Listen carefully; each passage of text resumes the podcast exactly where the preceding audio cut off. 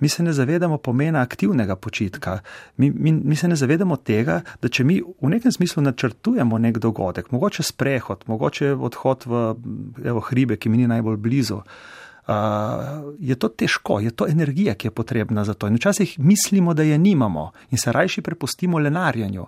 Ampak ne si vsak človek sam odgovori, kako se počuti po enem dnevu lenarjenja ali pa po enem dnevu, ko aktivno počiva, ko je vmes bil uh, eno uro nekje v hribih ali pa dve, tri, uh, ko je kakšno dobro knjigo prebral, je kakovost rezultata teh dveh pristopov k preživljanju časa večinoma popolnoma drugačna. Mhm. Pomeni, da sem potem premalo zahtevna, recimo, če nimam ciljev, ne? če se prepuščam smo... in tavam tam.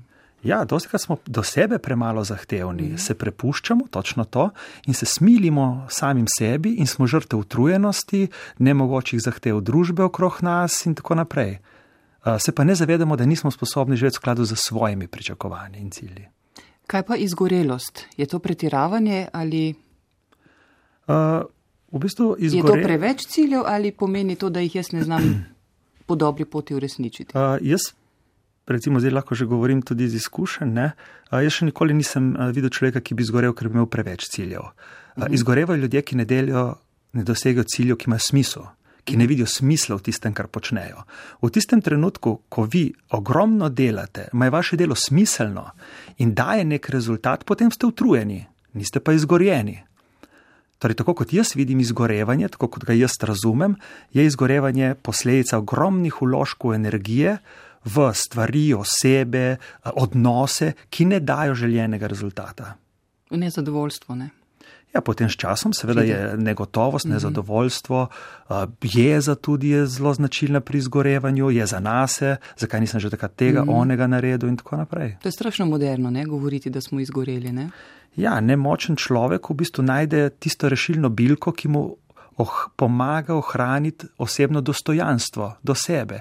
In bi težko našli človeka, ki bi suvereno rekel: ja, Jaz sem pa nesposoben uh, doseči en običajen cilj, se pravilno hraniti, um, imeti primirno težo. Ampak, ja, kje pa ne jem jaz uh, uravnotežno s takim tempom, ko ga imam, kje pa ne jaz, uh, ne vem, se ukvarjam z otroci toliko časa, kot bi bilo potrebno, uh, če pa toliko delam, ker jih ljubim in tako naprej. Torej, mi imamo neskončno izgovorov ki izgledajo popolnoma sprejemljivi, glede na čas in družbo, v kateri živimo, ki pa v bistvu uh, so slaba tolažba, predvsem nas samih.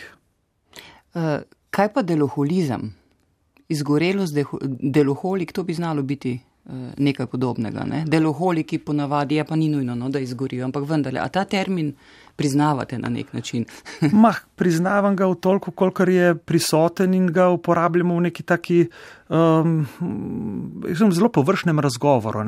Um, za me je deloholik človek, ki pač dela, resnično verjetno veliko dela, ampak dela napačne stvari. Ne, deloholik je zdosti krat interpretiran kot helikopter, ki ima liso obrnjeno na robe. Ne? In to mlad in švasa in to se vrti in se dimi vse okrog njega, manj se ne premakne v življenju niti za milimeter.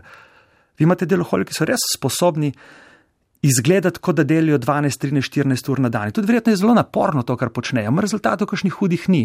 Kaj pa če so, pa si deloholik? Tudi ne, pol nisi. Ne, ne če, ja, nisi. Ja, sveda, če imate vi generalsko energijo in upravljate nevemeno podjetje s 100, 500 tisoč zaposlenimi in dosegate neverjetne rezultate in hkrati to je zelo pomembno, in hkrati upravljate tudi svoje zasebno življenje, no, no, partnerstvo aha. in odnose, potem niste deloholik, ma lahko delate 18 ur na dan. Se pravi, če izključno delaš, ne? to je pač. Ja, pogoj, ampak kakovost dela je ključna. Uh -huh, jaz ne vem, zakaj smo, jaz en sicer si predstavljam, da recimo tam v začetku prejšnjega stoletja, ko se je v bistvu po trdih borbah delavcev prišlo do 8-urnega delovnika, uh -huh. ne? Prej smo ljudje kako živeli. Ja, smo delali, pa smo malo jedli, pa malo počivali, pa spet jedli, pa počivali, pa delali, pa jedli in tako je zdaj. E, potem smo mm -hmm. v mhm. bistvu zaradi napredka ne, mm -hmm. spravili naše delo, kot češ na 8 ur, pa 8 ur počitka, pa 8 ur spanja. To je nesmiselno, to ni evolucijsko, ni, ni lastno človeku. To je res, ampak to zahtevajo od nas, ne? da Kaj? 8 ur delamo. uh, ja, to je sicer v redu. Ampak, aha, hočem reči. Mi delamo 8 ur, potem pa rečemo, zdaj bom pa počival. Ne? In to je napaka. Uh mhm. -huh. Če mi aktivno počivamo, če mi resno uh -huh. svojo družino, potem ta počitek ni gledanje televizije, eh, ždenje v lokalu in podobno. Mi napačno razumemo uh, koncept dela.